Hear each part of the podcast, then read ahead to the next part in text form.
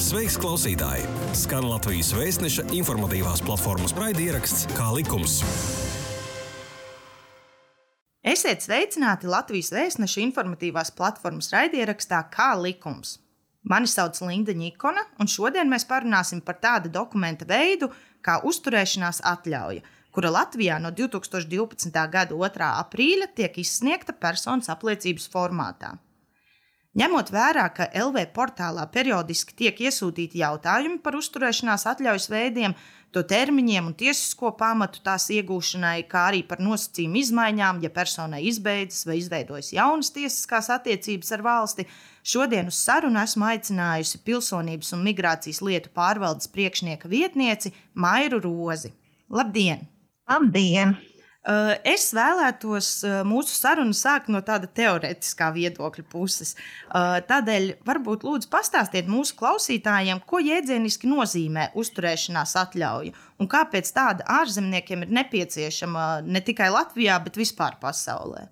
Šeit man jāsaka, gandrīz jāsaka ar to, ka nu, migrācija notiek visā pasaulē, un tas nav nekas jauns. Uh, Un, protams, jebkura valsts nosaka savu imigrācijas politiku, e, jo katrā valstī dzīvo kaut kāda e, daļa e, cilvēku, kuru, kur, kuriem ir tā ir mītnes valsts un pilsonības valsts, un tad, nu, tad skatās, kas nu brauks iekšā, kurus vajag, kurus nevajag, kāpēc. Un līdz ar to arī mūsu valsts, kad izveidojās, saprata, ka um, arī mūsu valstī jau 90. No gadu sākumā izveidoja robežas, izveidoja vīzas, uz robežas izsniedza vīzas, un arī 93. gadā jau sāka izsniegt uzturēšanās atļaujas. Un tas process ir diezgan jau arī tāds sens. Mūsu imigrācijas politika ir vairāk vērsta uz to, lai tā būtu mūsu nacionālajām interesēm atbilstoša, kā arī lai tā veicinātu ekonomisko izaugsmi. E, tas ir tāds ievadiņš. Un kas tad ir uzturēšanās atļauja? Tas ir būtībā dokuments, kas dod tiesības uzturēties Latvijas valstī. Lai varētu uzturēties Latvijas valstī, ir dažādi šie varianti, protams. Ja? Ir, kā mēs zinām, var ceļot bez vīzām, ļoti, uz ļoti daudzām valstīm. Es tagad uzreiz neatcerēšos, bet kaut kādas pāri pa 80 valstīm jau ir tās, kur mēs varam braukt bez vīzām. Bet vīza ir tāds īstermiņa dokuments. Schengens, mēs esam Schengenā, un tātad mēs izsniedzam arī mūsu vārdā izsniedz citas Schengens valsts vīzu.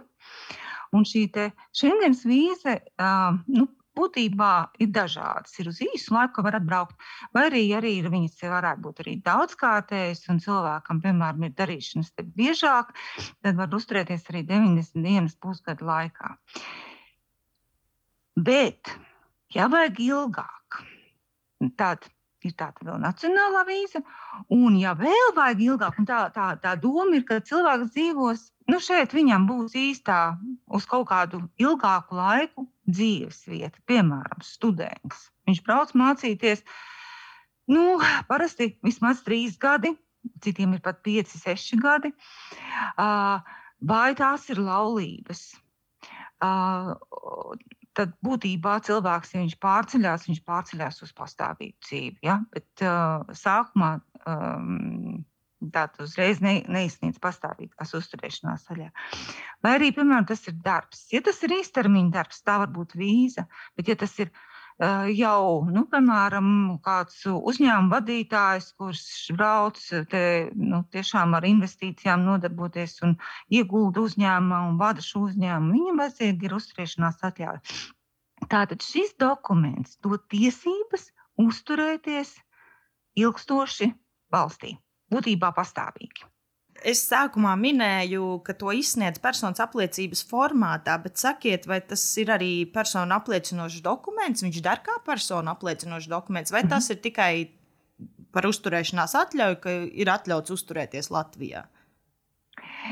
Tātad šobrīd šis ir personu apliecinošs dokuments. Jā, tātad Latvijas teritorijā.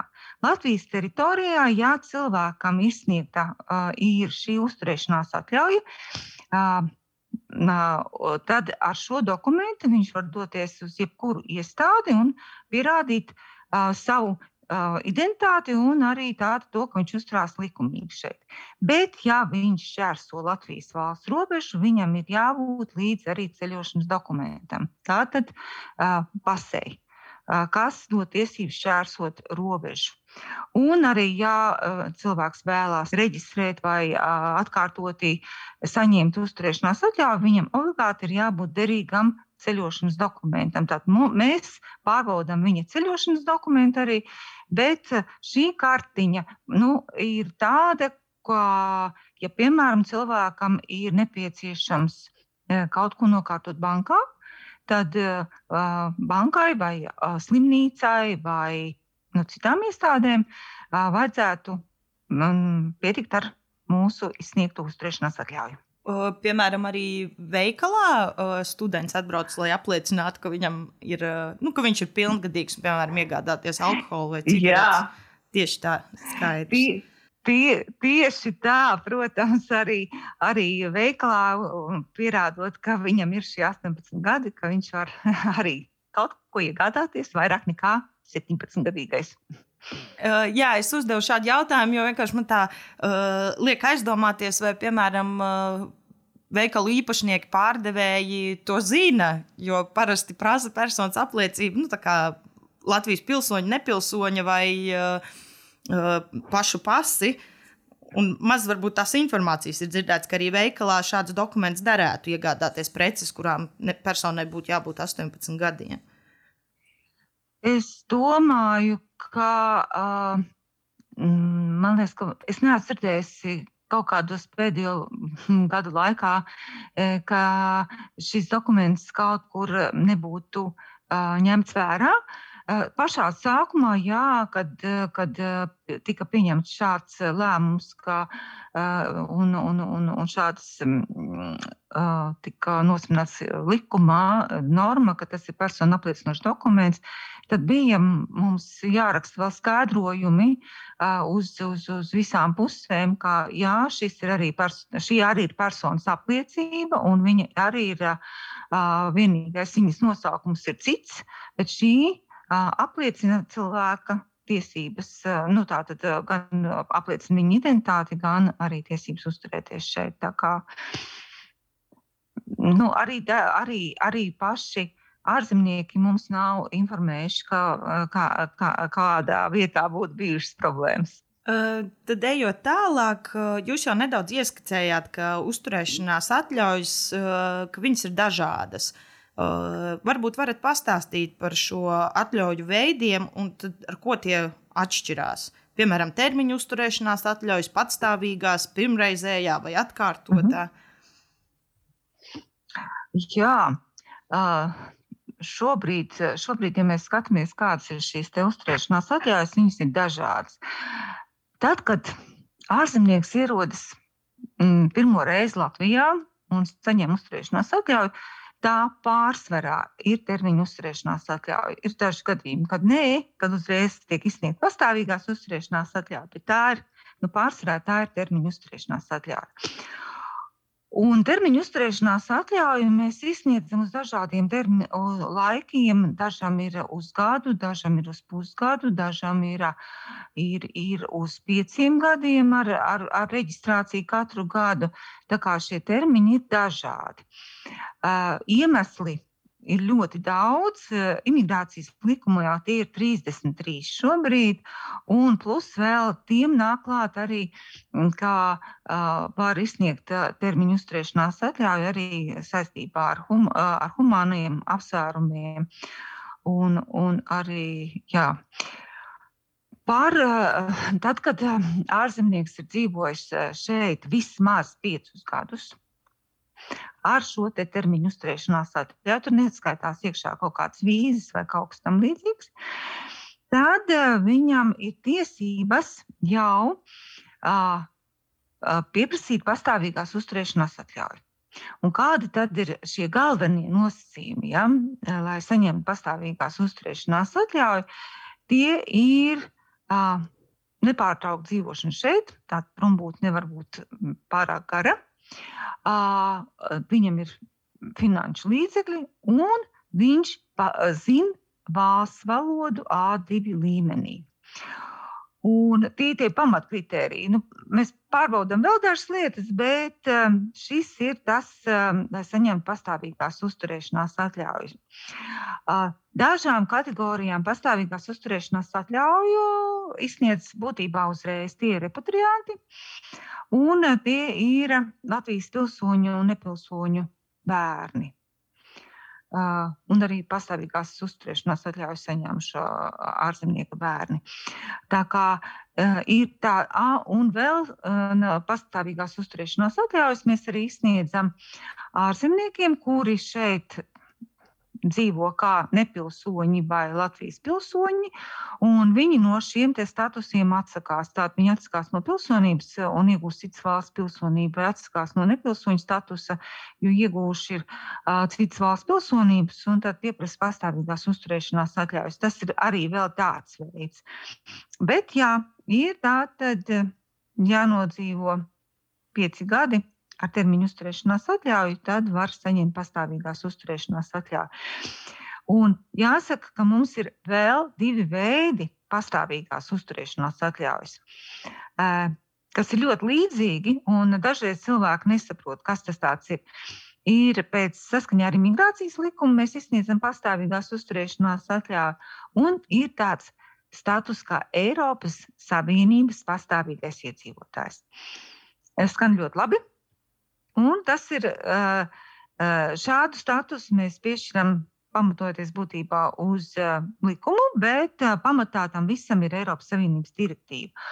Un uh, direktīva tika pieņemta ar domu, ka lai visās valstīs, redzot, piemēram, ka tātad šis ir pastāvīgais uh, Eiropas Savienības pastāvīgais iedzīvotājs, viņi saprot, ka tas nav tikko ieceļojis cilvēks, ka viņš ir jau uh, kādā no Eiropas Savienības valstīm jau dzīvojis, darbojies, izpildījis kaut kādas nosacījumus. Nu, nav nu, tāda stabilāka persona. Un, protams, mm, šobrīd skatoties, kāpēc ir viens status, ir otrs. Mm, direktīva bija vēlāk nekā mūsu imigrācijas likums. Un, un šobrīd atšķirība ir tāda, ka imigrācijas likumā ir mazliet vieglāki nosacījumi. Un tāpēc diezgan daudz izvēlās tomēr saskaņā ar imigrācijas likumu saņemt šo statusu. Pastāvīgās, uzturēšana, pastāvīgās uzturēšanās atļauju. Starpība ir kāda. Ja pēc um, Eiropas Savienības pastāvīgā iedzīvotāja likuma prombūtne no Latvijas, lai varētu saņemt šo statusu, nedrīkst būt uh, piecu gadu laikā vairāk par 12 mēneši, ne, 10 mēnešiem. Tad pēc imigrācijas likuma tie ir 10 mēneši. Tāda divu mēnešu starpība prombūtnē. Uh, Eiropas Savienības pastāvīgā iedzīvoja sta, status likumā uh, finanšu līdzekļus, kurus jāskatās. Tiem ir jābūt regulāriem un stabiliem, tātad regulārai algai, regulārai pensijai, regulāriem ienākumiem tādiem, kad var, var redzēt, ka nu, šie finanšu līdzekļi nav vienai dienai. Uh, imigrācijas likumā tik strikti nav, ir vienkārši jābūt finanšu līdzekļiem. Un, uh, tad, jā, tad mēs nepārbaudām, piemēram, šo regularitāti, kas, protams, ir Manausrē mīnus. Kā, un, un nākotnē mēs vēlētos arī šos, šos statusus būtībā apvienot un, un pāriet tikai uz Eiropas Savienības pastāvīgā iedzīvotāja statusu. Par termiņu uzturēšanās atļaujam runājot, tur vēl jāsaka, ka uh, tie populārākie jau daudzus gadus mums ir uh, ģimene, darbs, studijas, Un dažus gadus atpakaļ vēl kā pirmajā vietā mums bija investori saistībā ar nekustamā īpašuma iegādi vai ieguldījumu kapitāla sabiedrībās. Mm, šobrīd investoru skaits ir būtiski samazinājies, bet pārējās, pārējie iemesli jā, joprojām ir aktuāli. Kā likums? Kā likums? Jā, tu klausies Latvijas Vēstneša informatīvās platformas raidierakstu Kā likums? Varbūt tad varat pastāstīt uh, arī par zilo karti. Uh -huh. Uh, visa tā vidū, kur ir viņa, tas ir vēl cits uzturēšanās atļaujas veids ar kaut kādiem specifiskākiem izsniegšanas nosacījumiem. Um, Varbūt mēs varētu sākt ar um, vienu no veidiem, kas ir ļoti populārs. Uh, tās ir uh, uzturēšanās atļaujas, uh, vai teiksim, arī um, ne tikai uzturēšanās atļaujas, bet īstenībā ieceļošana saistībā ar nodarbinātību. Un nodarbinātība tā tad ir um, nu, ļoti populāra. Ļoti populāra, ja mēs skatāmies kaut kur, piemēram, cik ir darba. At, piešķirtas tiesības uz nodarbinātību pa gadiem, tad mēs varam redzēt, ka, piemēram, 12. gadā tie bija tikai 2,5 tūkstoši. Tad 19. gadā tie jau bija 15,000, gandrīz, gandrīz 15,5 tūkstoši. Nu, 20. gads mazliet nokritās un joprojām bija izsniegtas 12,000 atļaujas saistībā ar nodarbinātību. Ar nodarbinātību mēs izsniedzam gan vīzes ar, tā, ar tiesībām uz nodarbinātību, gan o, uzturēšanās atļaujas saistībā ar nodarbinātību. Kā jau es arī minēju, ja ir nepieciešams tāds īstermiņa, tad tā varētu būt arī vīza. Piemēram, populārākais, populārākais iemesls vai profesija, kam mēs izsniedzam um, tiesības uz nodarbinātību, tie ir kravas automobiļu vadītāji. Un eh, šiem mm, nu, teiksim, šoferīšiem ļoti bieži pietiek um, ar vīzu, kas ir tātad uzturēties Schengenā 91 pusgadu laikā. Viņš ir iebraucis, izbraucis, aizbraucis. Citi, protams, ņem jau uzturēšanās atļaujas. Pirmais ir tādi, kuri ņem šīs 91 pusgadu laikā ar tiesībām uz nodarbinātību. Otrs variants ir, kā mēs izsniedzam jau arī nacionālās vīzes, kad ir devi, būtībā visu laiku var uzturēties ar nodarbinātību šeit. Tādas arī izmanto kravas automobīļu vadītāji. Un nākošais jau, kad jāsaka tā, ka darba devējs ir pārliecinājies, ka kravas automobīļu vadītājs tiešām labi strādā, tad arī tiek noformēts jau arī uzturēšanās atļaujas.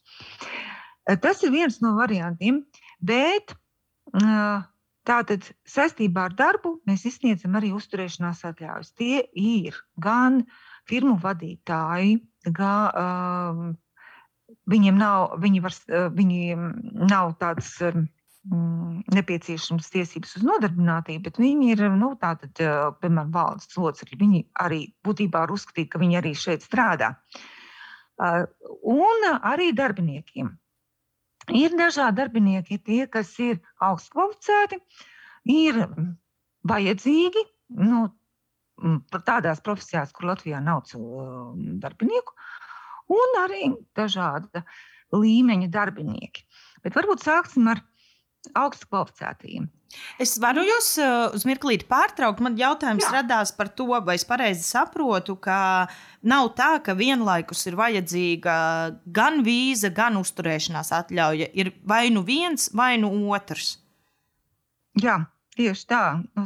Būtībā, lai iebrauktu Latvijā, uh, ir nepieciešama vīza, vai arī viņa nav nepieciešama, bet uh, mm, ja vēlās uzturēties ilgstošāk, ja, piemēram, saistībā ar darbu, tad tā var būt vīza, kas ir derīga uz visu gadu.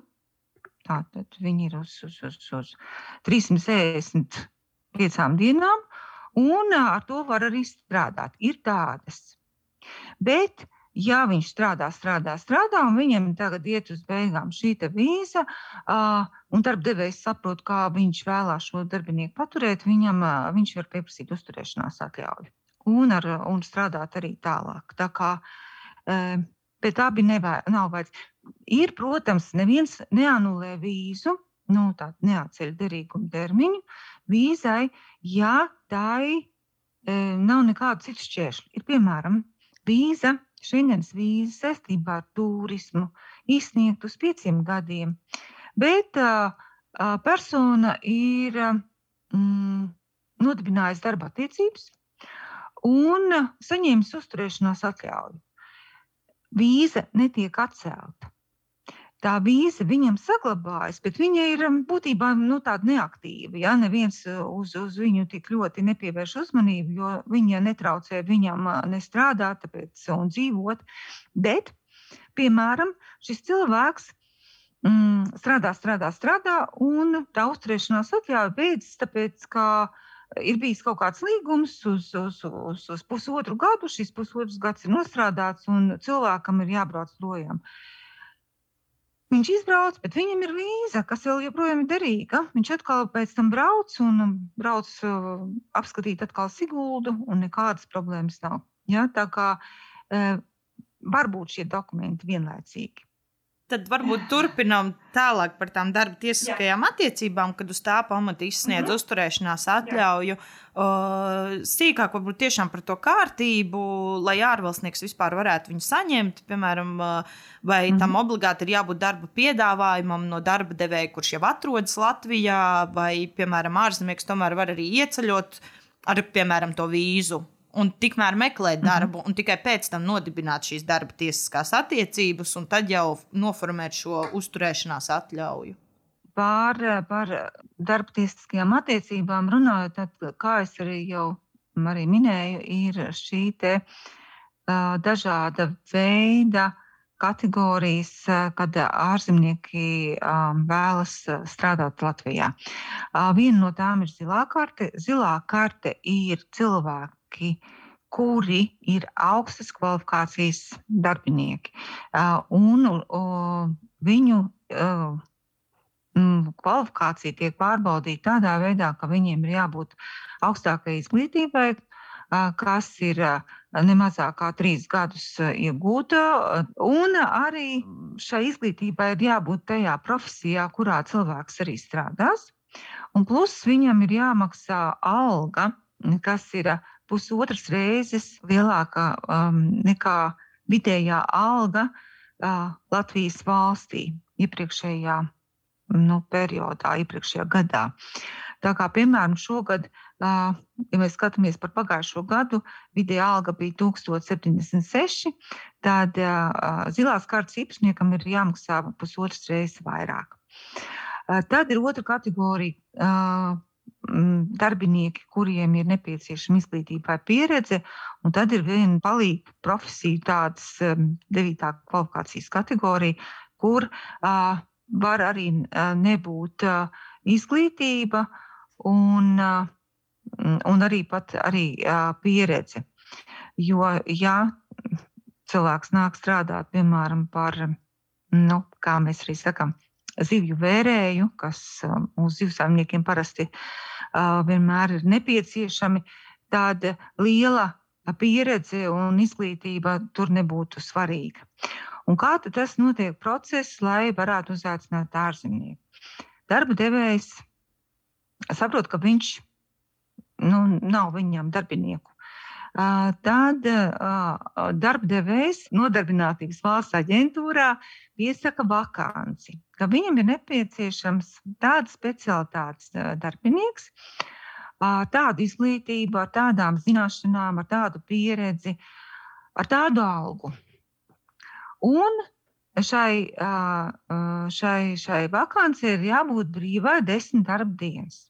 Šajā laikā visi Latvijā dzīvojušie var apskatīties un ā, skatās, ja šā, šādu darbinieku meklē. Mēģinām pieteikties. Nu, darba devējs, protams, var izvēlēties sev darbinieku, un viņš redz, ka, ja vietējais neatbilst, viņam ir tiesības arī ņemt ārzemnieku. Pēc šīm desmit darba dienām viņš formē mm, vai nu ielūgumu, ja tā būs vīza ar darba tiesībām, vai nu izsaukumu, ja tā būs uzturēšanās atļauja ar darba tiesībām. Un tātad šos izsaukumus un ielūgumus formē pārvaldē. Un tur ir jāpierāda, par ko strādās, ko darīs, kā šī te, uh, cilvēka izglītība vai kvalifikācija atbilst tai profesijai un tam tai vakancei, kas ir izsludināta. Tādējādi mēs būtībā mūsu valsts orientējas no sākuma uz saviem cilvēkiem, un tikai pēc tam, ja nav iespējas aizpildīt šo vakanci ar vietējiem darbiniekiem, tad uh, tiek atļauts uh, ņemt uh, darba spēku no ārzemēm. Un nu, šī brīdī mēs saprotam, ka darba devējiem jau ir, jau ir jāzina, ko viņš ņēmis, kas ir viņa jau potenciālais darbinieks, jo nevar noformēt, piemēram, izsaukumu nezināmai personai. Tur ir jābūt jau pilnīgi visam zināmam. Ko mēs esam redzam, ka īstenībā šī vakance tiek izsludināta jau tad, kad ir jau zināms, kas nāks un ka tas nebūs vietējais. Jo, ja mēs paskatāmies Nodarbinātības valsts aģentūras mājaslapā, šos te, šīs te vakances, ja jūs paskatīsieties, tur, kur ir uh, darba alga 1076, vai nākošā gadā jau būs vēl, tur, no 1. aprīļa būs vēl lielāka, tas nozīmē, ka šeit darba devējs jau uh, ir domājis, ka viņš ņems ārzemnieku. Uh, kā var, uh, nu jā, un tad ties ārzemnieks, ja tā ir vīza, tad um, viņam ir noformēts ielūgums, viņš dodas uz mūsu vēstniecību un saņem šo vīzu, lai viņš varētu braukt un uzreiz sākt strādāt. Kā viņš ieceļo, viņam ir vīza ar visām tiesībām un var uh, ķerties pie darba, pie darba devēja. Ja tā ir uzturēšanās atļauja, tad ārzemnieks iesniedz dokumentus vēstniecībā vai Ārzemnieks var arī šobrīd iesniegt dokumentus, uzturoties Latvijā. Es laikam tomēr ne, ne, es pat nezinu, vai stāstīt tieši par Covid laiku, jo Covid laikā mums ir savādāki nosacījumi. Bet īstenībā, ja viņam, piemēram, jau ir vīza ar tiesībām uz nodarbinātību, arī miera laikā viņš varēja iesniegt šeit dokumentus jau tālāk uz uzturēšanās atļauju. Kā likums? Kā likums? Jā, tu klausies Latvijas Vēstneša informatīvās platformas raidierakstu Kā likums. Varbūt, jā, varbūt nerunājam par covid, bet tā kā jā, parastā situācijā, jā, kā, kā, kā parasti jā. Jā, ir jārīkojas, tad arī mm -hmm. varbūt varam iet jau tālāk uz to, kas notiek gadījumā, ja darba tiesas, viņš jau ir ieradies, viņš ir noformējis visu, viņam uzturēšanās atļauja ir, bet, piemēram, darba tiesiskās attiecības uh, izbeidzas. Uh, vai šī uh, uzturēšanās atļauju uzreiz uh, kā, zaudē savu spēku, vai viņš var atrasties Latvijā līdz uh, tam norādītajam uh, termiņam, uzturēšanās atļaujā, un, piemēram, meklēt jaunu darbu. Mm -hmm. uh, jā, ārzemnieks ir saņēmis uzturēšanās atļauju un veiksmīgi strādā šeit, Latvijā. Un, nu, tā tad darba devējam pietrūkst darba, ko dot, vai arī iestājās ir kādi citi, citi apstākļi, ka šis darbinieks vairs nav vajadzīgs. Darbdevējam un arī tam pašam darbiniekam īstenībā mums ir jāziņo trīs darbdienu laikā, kā darba attiecības tiek pārtrauktas. No tā brīža, kad ir pārtrauktas darba attiecības, ir jāziņo. Uh, un uzturēšanās atļauja tiek anulēta. Uh, ja darbinieks, uh, darbiniekam ir zināms, ka viņam būs nepieciešams mainīt darbu, un darba attiecības tiks pārtrauktas, tāpēc, kā piemēram tas objekts tiek nodots vai, vai beidzies, piemēram, šis darbiņš. Un, un viņam ir skaidrs, ka pēc mēneša viņam vairs nekas nebūs. Viņš, protams, var meklēt, kamēr viņam ir uzturēšanās atļauja, viņš var meklēt jau jaunu darbu. Un šajos gadījumos mēs anulējam uzturēšanās atļauju. Ja, piemēram, šis ārzemnieks jau iesniedz, viņš nokārtojas, ir arī vakāns un izsaukums, iesniedz dokumentus jaunai uzturēšanās atļaujai ar, ar, ar lūgumu izsniegt vienlaicīgi ar anulēšanu. Tā mēs arī darām, lai cilvēkiem nepārtrūktu šī uzturēšanās atļauja. Bet, ja viņam nav nekas, tādā gadījumā mēs anulējam. Izņemot, mm, tas neatiec uz zilo karti. Zilā karte var vēl uzturēties un pat stāties bezdarbniekos. Tā kā augstas kvalifikācijas darbinieki ir daudz um, drošākā situācijā. Viņi pēc tam vēl uh, var sešus mēnešus meklēt arī darbu un uzturēties šeit. Parastiem darbiniekam nu, šī anulēšana ir ātra, un arī tā kā viņam nav nekādu citu iemeslu šeit uzturēties, tad uh, dodas neilgs laiks uh, izbraukt. Protams, šo laiku, izbraukšanas laiku, mēs skatāmies arī Mm, cik cilvēks ir ilgi šeit jau bijis. Ja tas ir īsu laiku, tad mazāku laiku, ja viņam ir jau. Mm, viņš ir uzturējies ilgāk, protams, mēs dodam ilgāku laiku izceļošanai. Un, kā prasības uzturēšanās atļaujas saņemšanai mācību nolūkos atšķirās no uzturēšanās atļaujas piešķiršanas ārzemju darbiniekiem? Drīkst es vēl mazliet par darbu. Man ļoti gribētos vienu lietu pateikt. Kā jau minēju, šobrīd mums visvairāk tiesības uz nodarbinātību tiek izsniegtas kravas automobīļu vadītājiem, vilcienu automobīļu vadītājiem, bet nākošā grupa ir palīgstrādnieks. Un pēc tam tikai nāk programmētājs un, un, un, un citas profesijas. Un man man vēlme ir mazliet pastāstīt, kas ir palīgstrādnieks. Ko mēs pašreiz redzam? Kādreiz um, šādiem palīgstrādniekiem vajadzēja arī būt uh, gan pieredzēji, gan izglītībai, un uh, tāds nebija. Uh, palīgstrādniekam, lai arī uzaicinātu palīgstrādnieku, ir arī jāmaksā šī lielā alga. 1076. Tā kā to nekādā gadījumā, kā mums saka, lētais darbspēks no ārzemēm nav mums lētā darbspēka, tāpēc ka visiem ārvalstu ārzemniekiem, kuri brauc šeit strādāt, alga ir liela. Tātad 1076 minimums arī palīgstrādniekam. Man vienmēr ir jādomā, vai tiešām Latvijā nav palīgi strādnieki, kuri būtu gatavi strādāt par šādu algu. Un, protams, mēs arī redzam, ka palīgi strādnieki, diemžēl, mums ir uzņēmumos, kur ir tikai vadītājs, piemēram, celtniecībā, un visi pārējie ir palīgi strādnieki. Bet kurš tad būvēs? Kur kā, ja viss tikai pienesīs to spaini. Tā kā šī ir tāda tendence, kas um, ir diezgan nepatīkama pēdējā laikā mums vērojama. Un, jā, es aicinātu darba devējus tomēr padomāt,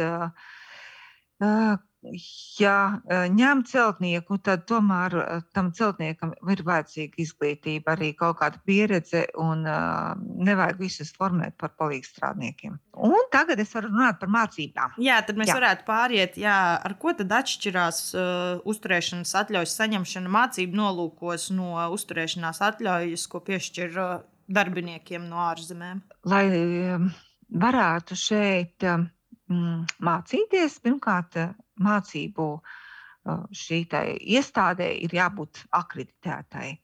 Un tikai tādā gadījumā var saņemt uh, uzturēšanās atļauju. Um, uz mācībām mēs izsniedzam arī vīzas, bet tas ir tikai tajos gadījumos līdz gadam. Uh, tie ir apmaiņas uh, skolnieki, studenti, bet viņiem arī vairāk arī par to vienu gadu nevajag.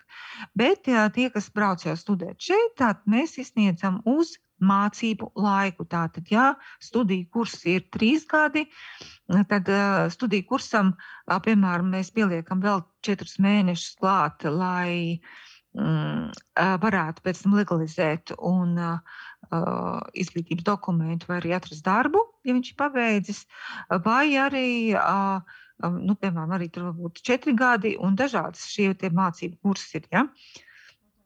Protams, saistībā ar mācībām mazliet ir savādāk. It kā vieglāk, jo nav vajadzīga pieredze, bet tur ir atkal vajadzīga izglītības, iepriekšējās izglītības dokuments, kas tiek mm, lai varētu pieņemt augstskolā, viņam ir jābūt pielīdzinātam, piemēram, mūsu vidusskolas dokumentam, ja tā ir maģistratūra, jau bakalaura kā šeit, šeit ir, ir šī pielīdzināšana, nav tāds vienkārši. Uh, uh, dokuments, ka jā, viņam ir tāda izglītība, bet šeit jau uzreiz tiek pielīdzināts. Tāpat kā ja tas ir saistībā ar darbu, ja tā ir reglamentētā profesija, tad šī pārbaude ir daudz padziļinātāka. Uh, studenti, tad, kad viņi mācās, Protams, viņi tiek, mēs skatāmies, lai viņiem būtu progress. Un, un saistībā ar imigrācijas likumu arī uh, tiek kontrolēts, vai viņš, nu, cik reizes viņš tur ir atskaitīts, vai viņš nav vienreiz jau nepabeidzis un atkal sācis mācīties, vai, ja viņam ir, piemēram, trīs gadu studijas bijušas, tad viņš var nu, piemēram, vienu akadēmisko gadu pa to visu laiku ņemt un četrus gadus mācīties. Ja tas studiju laiks ir piemēram četri gadi, tad viņam var nākt divi ekstra gadi klāt, lai viņš varētu uh, uh, mācīties.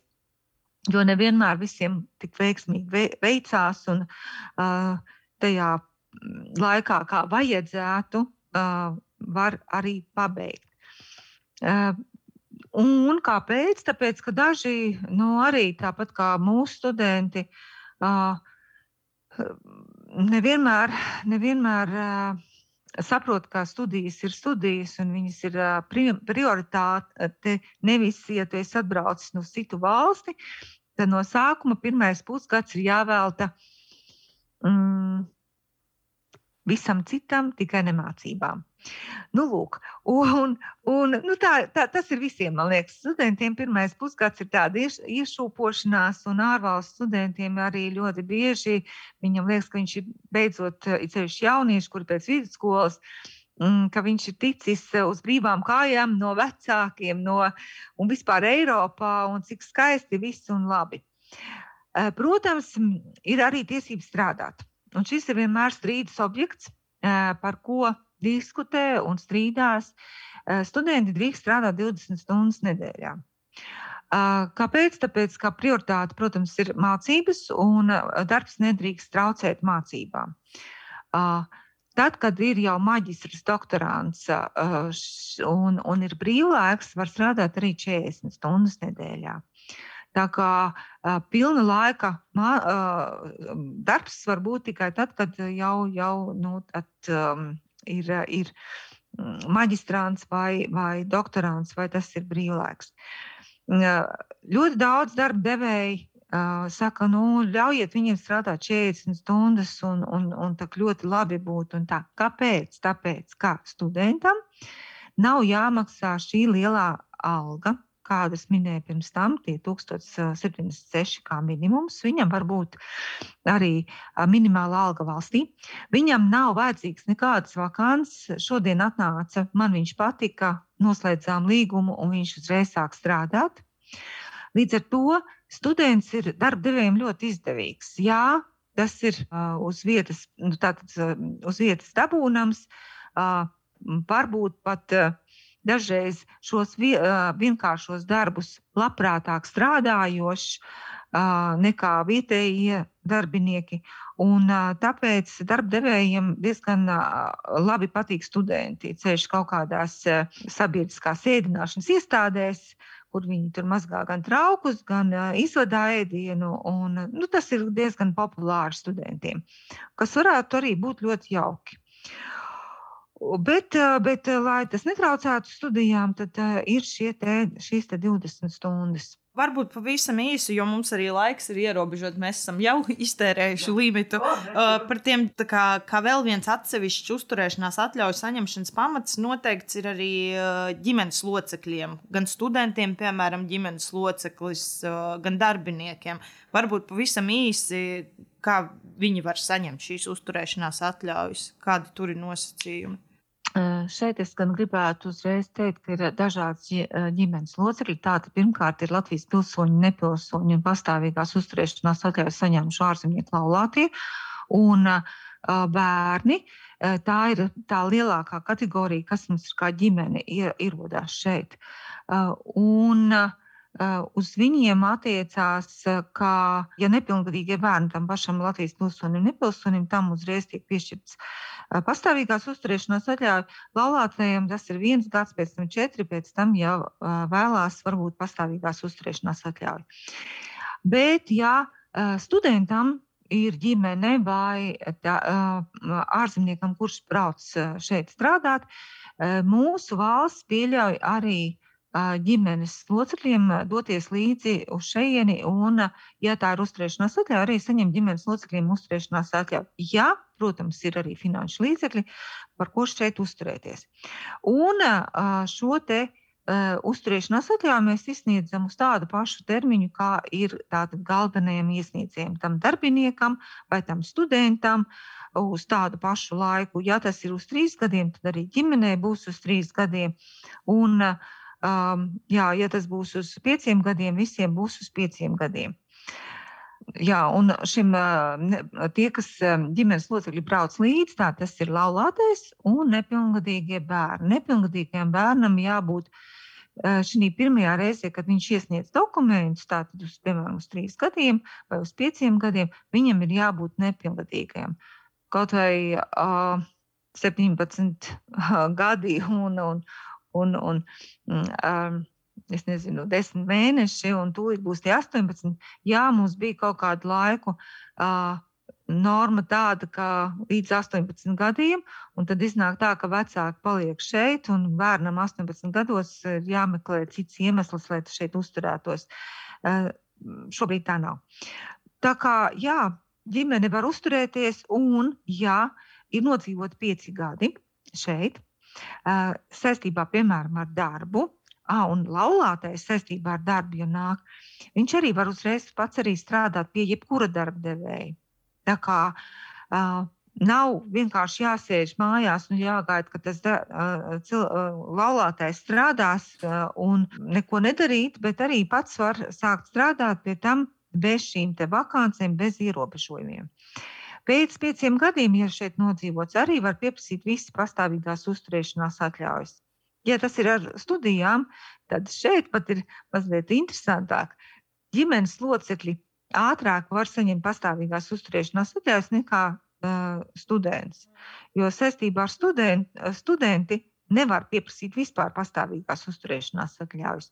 Un viņi arī viņu laiks uzturēšanās skaitās savādāk, ja, piemēram, pieci gadi nodzīvot šeit kā studentam, šī laikā, lai saņemtu pastāvīgās uzturēšanās atļauju, no tiem skaitās tikai divi ar pus gadi. Tāda pusīte tikai skaitās. Ja viņš pēc tam pabeidz un sāk strādāt, viņam vēl kādu laiku jāpastrādā, lai viņš varētu pretendēt uz šo pastāvīgās uzturēšanās atļauju. Bet laulātais nodzīvojis, kamēr tas galvenais iesniedzējs ir studējis, studējis, studējis. Šis ir dzīvojis, strādājis, piemēram, paiet pieci gadi.